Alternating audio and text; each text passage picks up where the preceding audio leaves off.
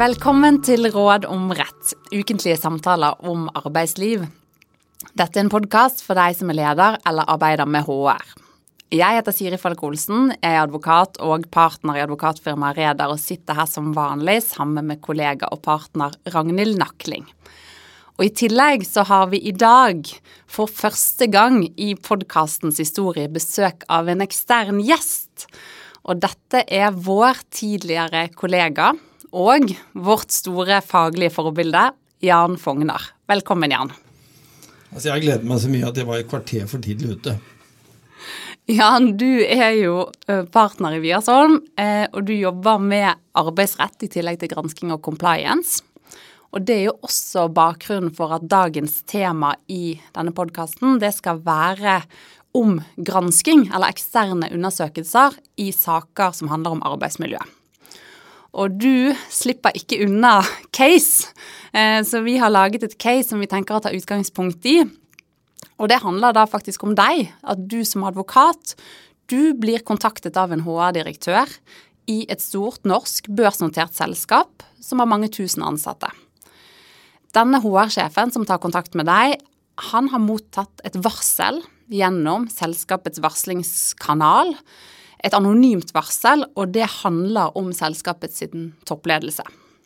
HR-sjefen vet ikke hvem som har sendt dette varselet, men basert på innholdet så tenker han at det er en person høyt oppe i stillingshierarkiet. Og I varselet så fremsettes det påstander om fryktbasert ledelse, om hersketeknikk, utfrysning, ansatte som løper gråtende fra møter, og ansatte som er redd for å komme i unåde og bli fratatt arbeidsoppgaver hvis de sier imot ledelsen. Det nevnes ingen konkrete eksempler på hendelser, men eh, flere personer i konsernledelsen, inkludert administrerende direktør, er navngitt som en del av problemet. Og så står det jo videre at dette er utfordringer som har pågått over lang tid. Og den som varsler, krever at det må iverksettes en ekstern undersøkelse umiddelbart. Alle steiner må snus. HR-sjefen sitter jo ikke selv i konsernledelsen, men jobber jo ganske tett med personene som det er varslet om i det daglige, og forteller at han er overrasket over disse påstandene. Han kjenner de ikke igjen fra sin side, i hvert fall. Det er ganske mange av lederne som kan være tydelige, sagt på en pen måte, eller direkte i tilbakemeldingene sine, men akkurat denne type karakteristikker som kommer i dette varselet, det har ikke HR-sjefen hørt før. Han har ikke delt varselet med konsernledelsen, men i korte trekk informert om at det har kommet et anonymt varsel, og han har sagt hva påstanden er. Administrerende er opprørt. Han har allerede sagt at han gjerne vil ha en ekstern undersøkelse, sånn at han får mulighet til å renvaske seg. Mens HR-sjefen syns jo at dette er en ganske krevende sak. Og han ringer jo deg, Jan, for å få råd. Men hvis vi aller først skal si, for det sier vi jo ofte i episodene våre, snakke litt om hva er det temaet vi skal snakke om, før vi går over til hva du gjør som advokat. Og allerede i denne introen så har vi egentlig brukt to forskjellige begreper. Vi har brukt ekstern undersøkelse, og vi har brukt ordet gransking, som i hvert fall fortsatt brukes litt noen ganger. Kjært barn har mange navn. Hva, hva, hva gjelder dette barnet, Jan, eller hva er det for noe? Jeg vil gjerne snakke litt først. Um som jeg sa, jeg har gledet meg veldig til å komme. Jeg var kvarter for tidlig. Jeg har eh, fulgt med på podkasten deres. Dere tar opp utrolig mange viktige temaer. Og dette temaet som dere har tatt opp nå, eh, er jo fra virkeligheten. Ikke sant? Dette er ikke fiktivt. Dette skjer uh, ukentlig, da. Uh, advokater som jobber i dette feltet, får sånne henvendelser. Så, så det er et veldig realistisk og, og godt case. Eh, gransking er jo en eh, amerikansk oppfinnelse. Vi drev ikke med eh, gransking. Var det foregått noe straffbart, så var det politiet som undersøkte. Var det ulykker, så var det en ulykkeskommisjon. Og Var det bråk på arbeidsplassen, så gikk du til de tillitsvalgte eh, og tok opp spørsmålet der. Og de banket på døren til direktøren og, og fremførte klagen. Sånn at Det har skjedd noe veldig dramatisk liksom fra år 2004-aktig og fremover, hvor eh, gransking er blitt en, en veldig viktig ting. Eh, og da oppsto det første spørsmålet skal man granske internt eller eksternt. Og Det er jo det du er inne på nå, Ragnhild. Dette skillet og det er klart Manges instinkt når de har et problem, er jo å ordne opp det selv, eh, sånn at ikke andre får høre om det. Man er jo ofte redd for å dele ubehageligheter. Så er det samtidig noen ubehageligheter som er sånn at uh, de enten er så alvorlige da, at uh, de har allmenn interesse, eller at det bare tyter ut. Fordi innholdet i det er sånn at det kommer til å bli kjent. Så jeg mener at dette skillet mellom intern og ekstern undersøkelse er uh, utrolig viktig på dette caset, som jo ikke handler om noe straffbart forhold, men en klage over hvordan uh, arbeidsforholdene er på en arbeidsplass. Det å undersøke og få eksterne til å hjelpe til når denne broa ramler ned over 13, helt naturlig. Det er tekniske vanskelige spørsmål. Hvis um, Statens vegvesen og, og, disse skulle ordnet opp i det selv, det hadde blitt komplisert. Man hadde vært opptatt av hvem hadde skylden, hvem hadde vært der ute og sett på dette sist. Mens her er det snakk om eh, arbeidsmiljøspørsmål. Eh, og der er jeg veldig opptatt av å formidle en viktig ting, og det er at arbeidsmiljøloven eh, tar jo høyde for den type problemer som denne personen kommer med. Eh, fullt forsvarlig arbeidsmiljø. Det har jo handla om to ting. At du ikke skal få noe i hodet. At du liksom ikke skal puste inn kjemikalier. Men at arbeidsmiljøet skal være bra og helsebringende psykisk. Sånn at eh, det er en viktig observasjon at eh, ja, siden kanskje 2017-2018 så er arbeidsmiljølovssystem for løsning av konflikter tilsidesatt til fordel for enkeltpersoner som bringer eh, vanskeligheten over i et annet spor, nemlig varslingssporet. Så jeg er opptatt av, jeg vet dere er opptatt av også, å formidle. og Vi har jo Eh, gransket sammen Siri, eh, arbeidsmiljøvanskeligheter i en offentlig etat. Veldig opptatt av å formidle at arbeidsmiljølovens system må brukes så langt det er mulig. Så det er bare i ekstraordinære situasjoner hvor eksterne gransking er relevant. Og nå jeg liksom touchet rådgivningen også, men det ble umulig å ikke si noe om det når vi snakker om dette skillet internt eksternt. Og før vi, før vi, går videre egentlig på både konkrete casen og rådene, så var du inne litt på dette med utviklingen. Ikke sant? Kommer fra USA, for å si det veldig enkelt. Begynner i Norge ganske sped. Og der har jo du vært en av de som har jobbet med det hele perioden, i motsetning til noen av oss andre som har vært inne delvis og, og, og, i den siste perioden. Men er det noe du har sett som en ut... Hva er, det, hva er det gode du har sett av utvikling på dette feltet, hvis du klarer å si noe om det? Og hva er det som kanskje er litt mer mm, hva skal vi si, bekymringsfullt, eller kanskje ikke helt heldig, som du var litt inne på nå til slutt? Altså Det som er positivt, er at ikke noe seriøst norsk styre lenger vil feie eh, et mulig straffbart forhold under teppet og ordne opp i det selv. Det skjer ikke lenger. Det skjedde før. Og det er helt fantastisk. Uh, og der har det vært en, en grunnleggende endring etter 2006. Uh, 2007, hvor vi hadde noen store uh, offentlige saker i Norge uh, som uh, liksom hele næringslivet og offentlig sektor har tatt lærdom av. Så, så, der har det jo skjedd en veldig fundamental holdningsendring, og det er fantastisk. det at gransking nå ikke handler om å undersøke mulig straffbare forhold, eller hvorfor den 13-brua datt ned, men om sjefen er fæl, det er en veldig uheldig utvikling, det må jeg bare si. Og jeg har hatt noen sånne uh, operasjoner, og det kommer uh, for sjelden noe godt ut av det. Det kan forsterke og forlenge problemer og ikke løse problemer. For det bringer oss til hva er formålet med en undersøkelse. En, en undersøkelse skal jo bringe klarhet i faktiske og rettslige omstendigheter. Uh, 13-brua igjen. Hvorfor datt den ned? Er det begått en straffbar korrupt handling? Men her, i dette caset, så har vi et mulig arbeidsmiljøproblem. Det er folk som ikke trives på jobben, og som er redde for å snakke med ledelsen. Eh, og det er jo et problem for folks eh, helse, for virksomhetens evne til medvirkning, demokratiske prosesser og å få frem gode resultater. Og et problem eh, må jo løses. Eh, sånn at innretningen, gransking, da, på et arbeidsmiljøproblem mener jeg grunnleggende er forfeilet. Det handler om å forstå, forstå hva det handler om, og sette inn tiltak for å håndtere det.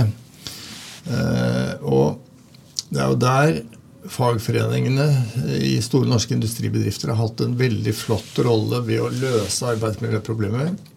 Det er jo ikke noe nytt at sjefen skriker, kan være sint eh, eller ubehøvlet, eller at, man kommer i en konflikt, da, blir sterkt uenig. Da kom fagforeningen inn, hadde ingen rolle, eh, men det var et medlem som havnet i en sånn situasjon. Man kunne ta det opp da eh, med sjefen, og man kunne bli enige om hvordan det skulle løses. og Det innebar ofte at man snakka sammen og prøvde å forklare hvorfor dette oppsto, og også sette ord på at dette syntes jeg var ubehagelig. Og så tar man hverandre i handa på det. Og dette uttrykket 'løse problemet på lavest mulig eh, nivå' er jo dette. Det er jo dette handshaket som kommer dagen etter eller noen timer etter. Eh, så vi har beveget oss utrolig langt fra det som er god arbeidsmiljøproblemløsning inn i dette. Og jeg er veldig opptatt av at alle advokater har et utrolig bevisst forhold til og ikke bidra til at disse problemene forlenges og forsterkes. da. Og nå har jo du Jan, allerede sagt ganske mye om hva du tenker. altså Du har snakket litt generelt om dette med gransking eksterne undersøkelser. Du har også gitt uttrykk for i hva slags type saker du tenker at det kan være riktig, og at det der har eh, eh, klare fordeler å benytte eksterne undersøkelser. Og også at dette er en type sak hvor du ikke tenker at en ekstern undersøkelse eller gransking, basert på det vi vet, er riktig. Men så er jo caset likevel slik at du eh, Her er det en administrerende direktør som egentlig sier at 'jeg vil' ha en ekstern undersøkelse. Og den som har sendt dette brevet, har også sagt det. Og Det er jo da ikke en uvanlig situasjon at du som advokat blir kontaktet, og så sier selskapet vi vil at du, Jan, skal komme inn og granske dette. Hva sier du da, og hva er alternativene? Det er um, helt realistisk beskrevet i caset at uh, varsleren vil ha en uh, undersøkelse. Varsleren, og jeg har truffet mange varslere, de er opptatt av å få avklart om de har rett de opplever noe som er feil, urettferdig, og de vil ha svar på om de har rett. Eh, og er kanskje ikke så opptatt av å løse problemet. Eh, det er noen få direktører som kanskje er så dumdristige at eh, de sier ja, det er greit. Men det er utrolig dumt. Jeg har bistått noen direktører som i sånne situasjoner som dette er blitt satt under gransking av eksterne.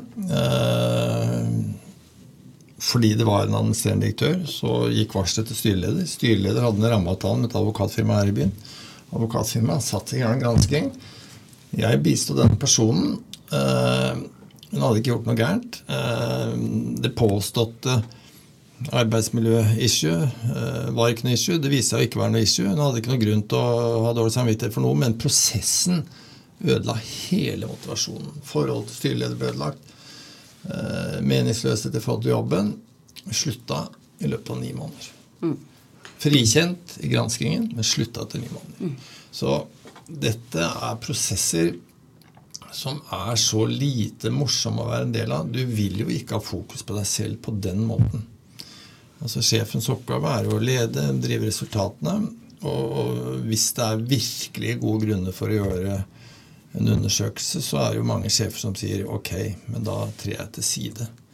Da, da, er vi der at det er ikke riktig at jeg er sjef, faktisk. Hvis det er så alvorlige ting som bør undersøkes. da. Så mm, det vi har snakket om nå, ville være min inngang i den samtalen uh, med uh, klienten. Og fordi vi er advokater. Og uh, advokatene kan, eh, basert på de systemene de har i sine firmaer, være happy fordi det kommer en klient inn eh, fra gaten og kan tilby omsetning. En sånn undersøkelse. Alltid flere enn tusen kroner, kanskje noen millioner kroner. Det kan være utrolig fristende for en advokat å si hurra, dette skal vi selvfølgelig gjøre. Så, så, jeg mener at det er veldig viktig at advokaten diskuterer dette med andre advokater i firmaet. Eh, hva er riktig å gjøre? Ikke gi et svar over bordet. Høre på. Eh, ta denne HR-direktøren på alvor. Tenke seg om. Og så drøfte det med, med andre kollegaer som eh, kan kanskje få deg til å tenke deg om en gang til. For vi som advokater har et veldig ansvar, etisk ansvar til å ikke ta alle saker. Men så kan vi jo gå et steg videre, da, og si at men så er det er en sak. Det er blitt en sak. De vil at man skal se på dette. Man har vært gjennom diskus, disse diskusjonene på, på, en god måte med klienten, og, og, på en måte vært gjennom det. Og de har konkludert med at nei, men dette skal gjøres, og, og du har oppdraget. Um, hva er Hva er det man all, Hvis du skulle lage en ønskesituasjon, da ikke sant? Hva er det beste man kan ta med seg fra en sånn prosess? For i denne episoden så skal vi ikke snakke så mye om hvordan man legger det opp, eller hva man gjør konkret. Vi retter oss jo mest til ledere og de som jobber med HR, ikke de som gjør disse undersøkelsene. Hva, hva skulle du ønske at denne virksomheten kan sitte igjen med av noe positivt, da, når man har vært, man har vært gjennom mye, mye negativitet og vanskelige spørsmål knyttet til arbeidsmiljøet? Ja, jeg vil gjennom et alternativ før vi havnet i det scenarioet. For et alternativ er å si at eh, vi, vi, ser at dette er jo en bekymring. Eh, at eh, noen mener at ledergruppen fungerer på denne måten. Så vi bør innhente arbeidspsykologisk kompetanse for å se om klimaet i vår bedrift er god. Eh, og dette med ytringsklima er et utrolig viktig tema. Det blir dårligere og dårligere i Norge. Eh, det er litt rart, det er litt merkelig, for vi nordmenn er veldig direkte. Og det har liksom vært et særkjennende norsk arbeidsliv at, at, vi har turt å si fra. Vi har trygge fast ansettelsen, høy terskel for oppsigelse. Men i offentlig sektor, det starta der. Ganske mange helseledere som uh, har fått kjeft for å uttale seg negativt, og andre merker det. Man holder munn i privat sektor. Litt sånn amerikanisert. Snakker sjefen etter munnen. Ikke tar kontroversielle ting. Så gradvis så er ytringsfriheten blitt dårligere. Ytringsfrihetsutvalget nå så vurderer nå å legge frem forslag om at du må jobbe for, for ytringsfrihet i bedriften. Så det å få noen eksterne da, til å se på det, som har den type kompetanse, det kan være veldig nyttig. Og der har jo jeg et minne av en av våre samtaler, Siri, hvor du sier til meg 'Har vi egentlig greie på dette, Jan?' Eh, og det endte jo med at vi ringte til din eh, mor da, for å få innspill på hvem er gode eh, sakkyndige på dette. Ikke sant? Eh, så Din mor var ikke noe tilfeldig person, da, men eh, Nei, da må vi nesten legge til at, eh, at eh, det, da, som hun er psykolog, eh, og at ja, innspillet mitt eller vår diskusjon gikk jo på på en måte at det er noen spørsmål som vi som advokater definitivt ikke er noe bedre egnet til å vurdere enn andre. Og hvis det er noen da som kanskje er bedre egnet enn andre til å vurdere det, så er det kanskje personer med en annen kompetanse, typisk organisasjonspsykologer. Ikke sant. Sånn at eh, fra det tidspunkt, uh, og også for så vidt litt før i Valla-saken, så hadde vi også folk med annen kompetanse inne så, har jeg vært veldig bevisst på det. Og vi har som respons på sånne ting som dette, Ragnhild, mm. eh, bidratt til at sånne undersøkelser gjennomføres. Men da er det altså ikke en advokatdrevet undersøkelse, men at mm. eh, bedriftshelsetjenesten kanskje ikke har fungert sånn som man forventet. Og så får man noen eksterne eh, arbeidspsykologer eh, inn Eh, og kan forhøre seg og komme tilbake med en klimarapport. og Da kan du også få en følelse av om det er noen alvorlige sånne rettslige issues oppi dette, eller om det er den alminnelige ting man kan jobbe med. Eh, og da kan man jo oppnå også å få svar på hvordan man skal arbeide med problemene. Mm. Eh, og da har man jo bidratt som advokat veldig godt til å løse et problem. Og det er jo det som er vår jobb. Løse problemer. Så, så, jeg vil ikke uten videre akseptere å havne der. Jeg vil si til lytterne at man skal kanskje da, hvis de vil gjøre noe, føle at de må gjøre noe, da, eh, og de trenger legitimitet, ledelsen er utsatt, så får vi da noen anerkjente organisasjonspsykologer til å se på dette. Og så får vi få råd om hvordan vi skal jobbe med de tingene. Og Det handler jo da om uh, sjelden å sparke folk, men å forstå at jeg opptrer på en måte som gjør at du blir skremt når jeg snakker i møter. Eh, lære å kommunisere bedre og tørre å, å, å si at det her syns jeg var ubehagelig. Å få et annet klima. Da. Skape trygghet for det. Så eh, vi som jobber med arbeidsrett, eh, må jo tenke på ulike verktøy da, for å løse problemer. Jeg syns også fagforeningene er alltid viktig å trekke inn. De har alltid gode innspill. De skjønner mye, kan mye, har erfaring. og rådføre seg med dem. Ikke bare komme inn fra gaten med et sånt korps for organisasjonspsykologer, men å få råd. da, Forankre det. Orientere de ansatte. Jeg er også veldig opptatt av kommunikasjon med ansatte. Mange hemmeligholder jo ting og er engstelige for ting. Eh, men det er jo ikke noe sånn stor surprise at vi nå skal gjennomføre en sånn arbeidsmiljøkartlegging. Det er um, synspunkter på om vi har godt nok ytringsklima hos oss, og det vil vi ta fatt i. Det mener jeg er en veldig ærlig sak, istedenfor å late som dette er en av de alminnelige liksom, rundene vi har da. Og i, en tidligere episode så har jo Siri og jeg snakket om apotekerdommen, som du også sikkert husker, Jan, med disse på apoteket som hevet arbeidsforholdet sitt. Og der hadde det jo vært Det var jo før eh, granskinger og eksterne undersøkelser, men det var jo mye av det du har trukket fram nå som viktig. Bedriftshelsetjenesten var inne, der var også Statens helsetilsyn, fagforeningene, og man hadde på en måte vært gjennom mange runder, da hvis man skal si det sånn. Og hvis jeg da skal tvinge deg da til å være i denne saken, som du har fått og skal lede på en god måte um, og, og, grunnen til at vi ikke skal snakke så mye om hvordan den eksterne undersøkelsen gjennomføres, er rett og slett fordi det fyller en egen episode med det litt mer tekniske og hvordan man gjør det, mens vi jo her i dag snakker litt mer overordnet. Og hvis du da skulle det er jo vanskelig å konkretisere, da, men skulle ha en slags sånn ønskesituasjon for utfallet, når du er så erfaren at du vet alt som kommer opp i løpet av en sånn sak? Jeg har jo vært i en sånn situasjon, hvor jeg har vært, eller noen sånne situasjoner hvor vi har gjennomført ting som vi har vært usikre på om har vært uh, riktig, men hvor omstendighetene har krevd det.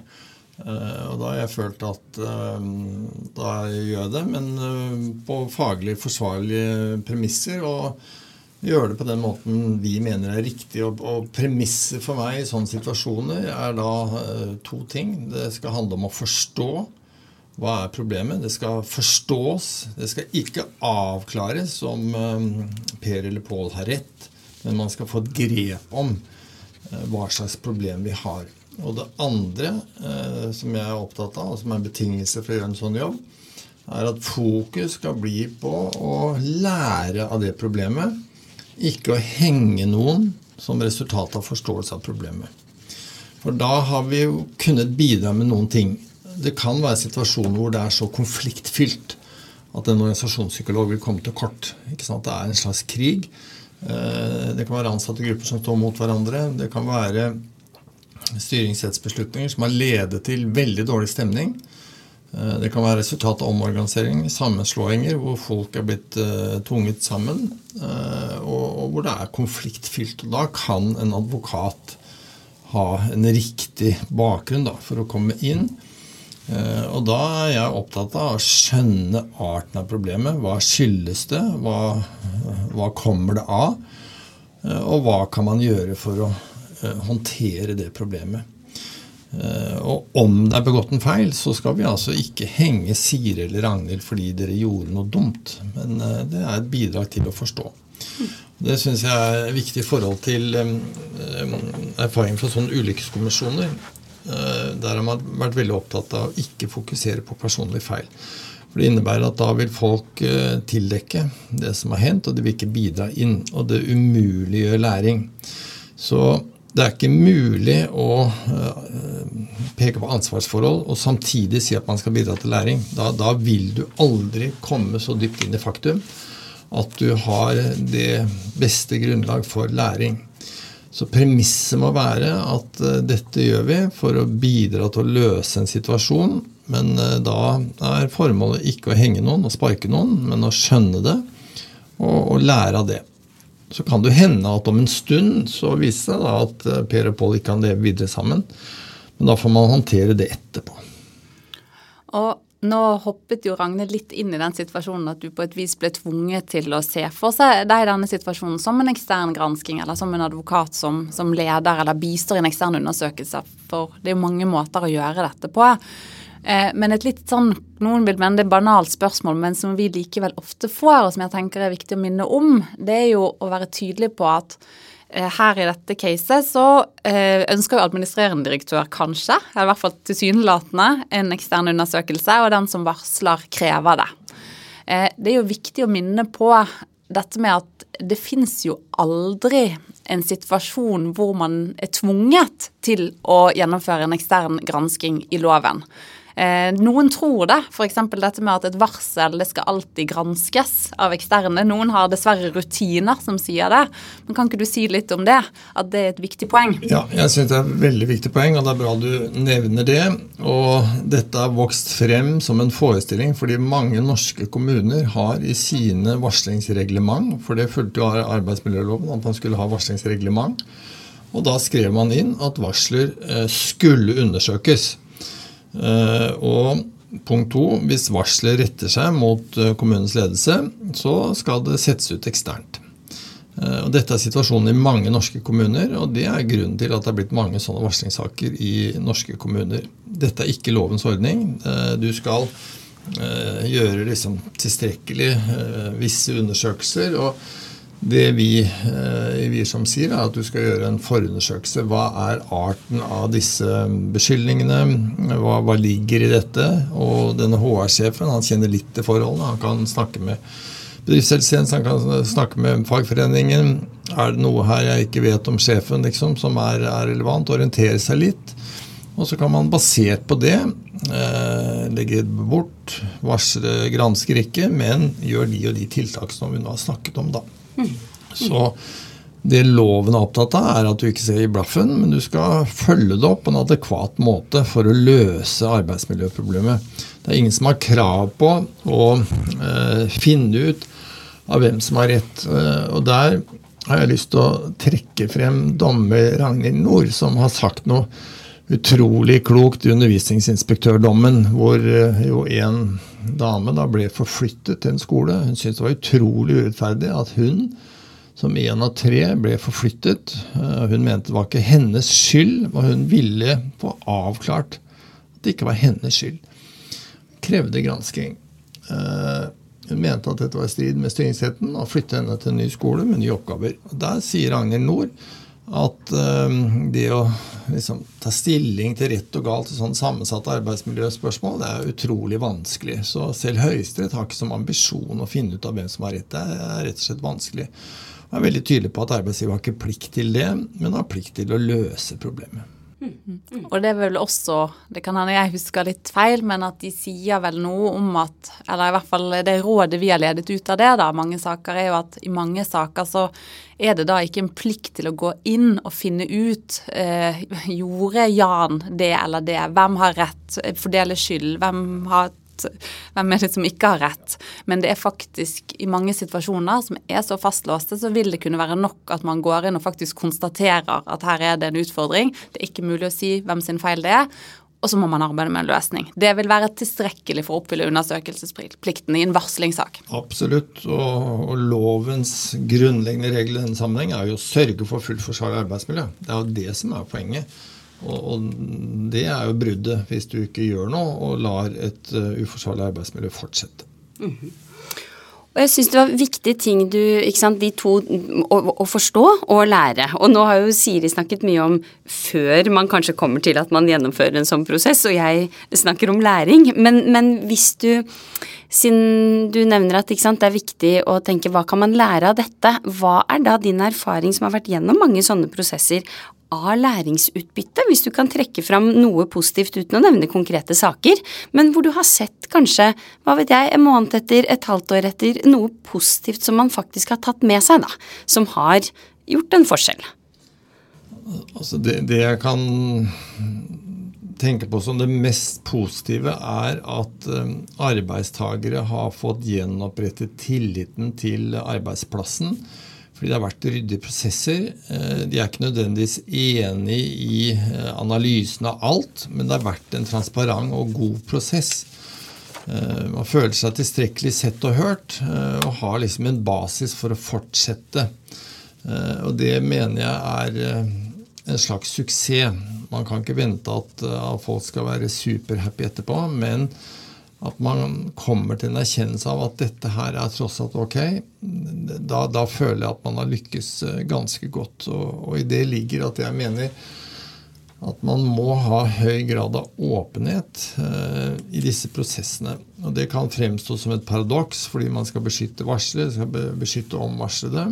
Eh, men når man gjennomfører sånne prosesser, eh, og ansatte blir berørt, så er det nødvendig å ha åpenhet om hvordan man jobber med det problemet. Eh, ellers så vil det lede til nye problemer. Det er jo velkjent på mange arbeidsplasser at man har hørt at det er varslet på Siri. Jeg kan ikke snakke med henne, jeg kan ikke ta kaffe med henne, jeg kan liksom ikke ta side, og så, og så er man i gang.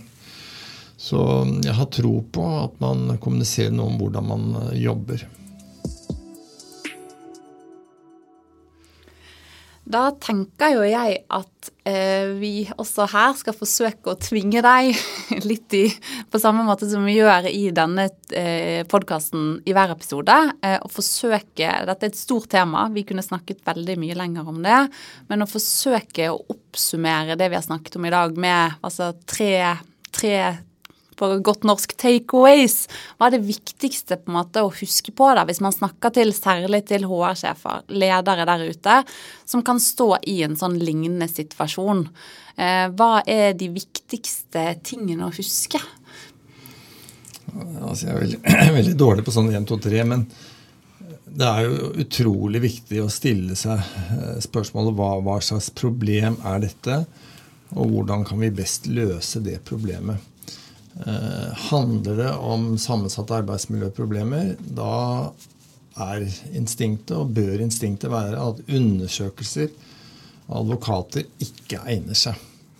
Det, det, er jo utrolig viktig. Og så betyr det samtidig ikke at du da skal legge det bort, men prøve å, angripe problemet og se hvordan du kan bidra til å løse det.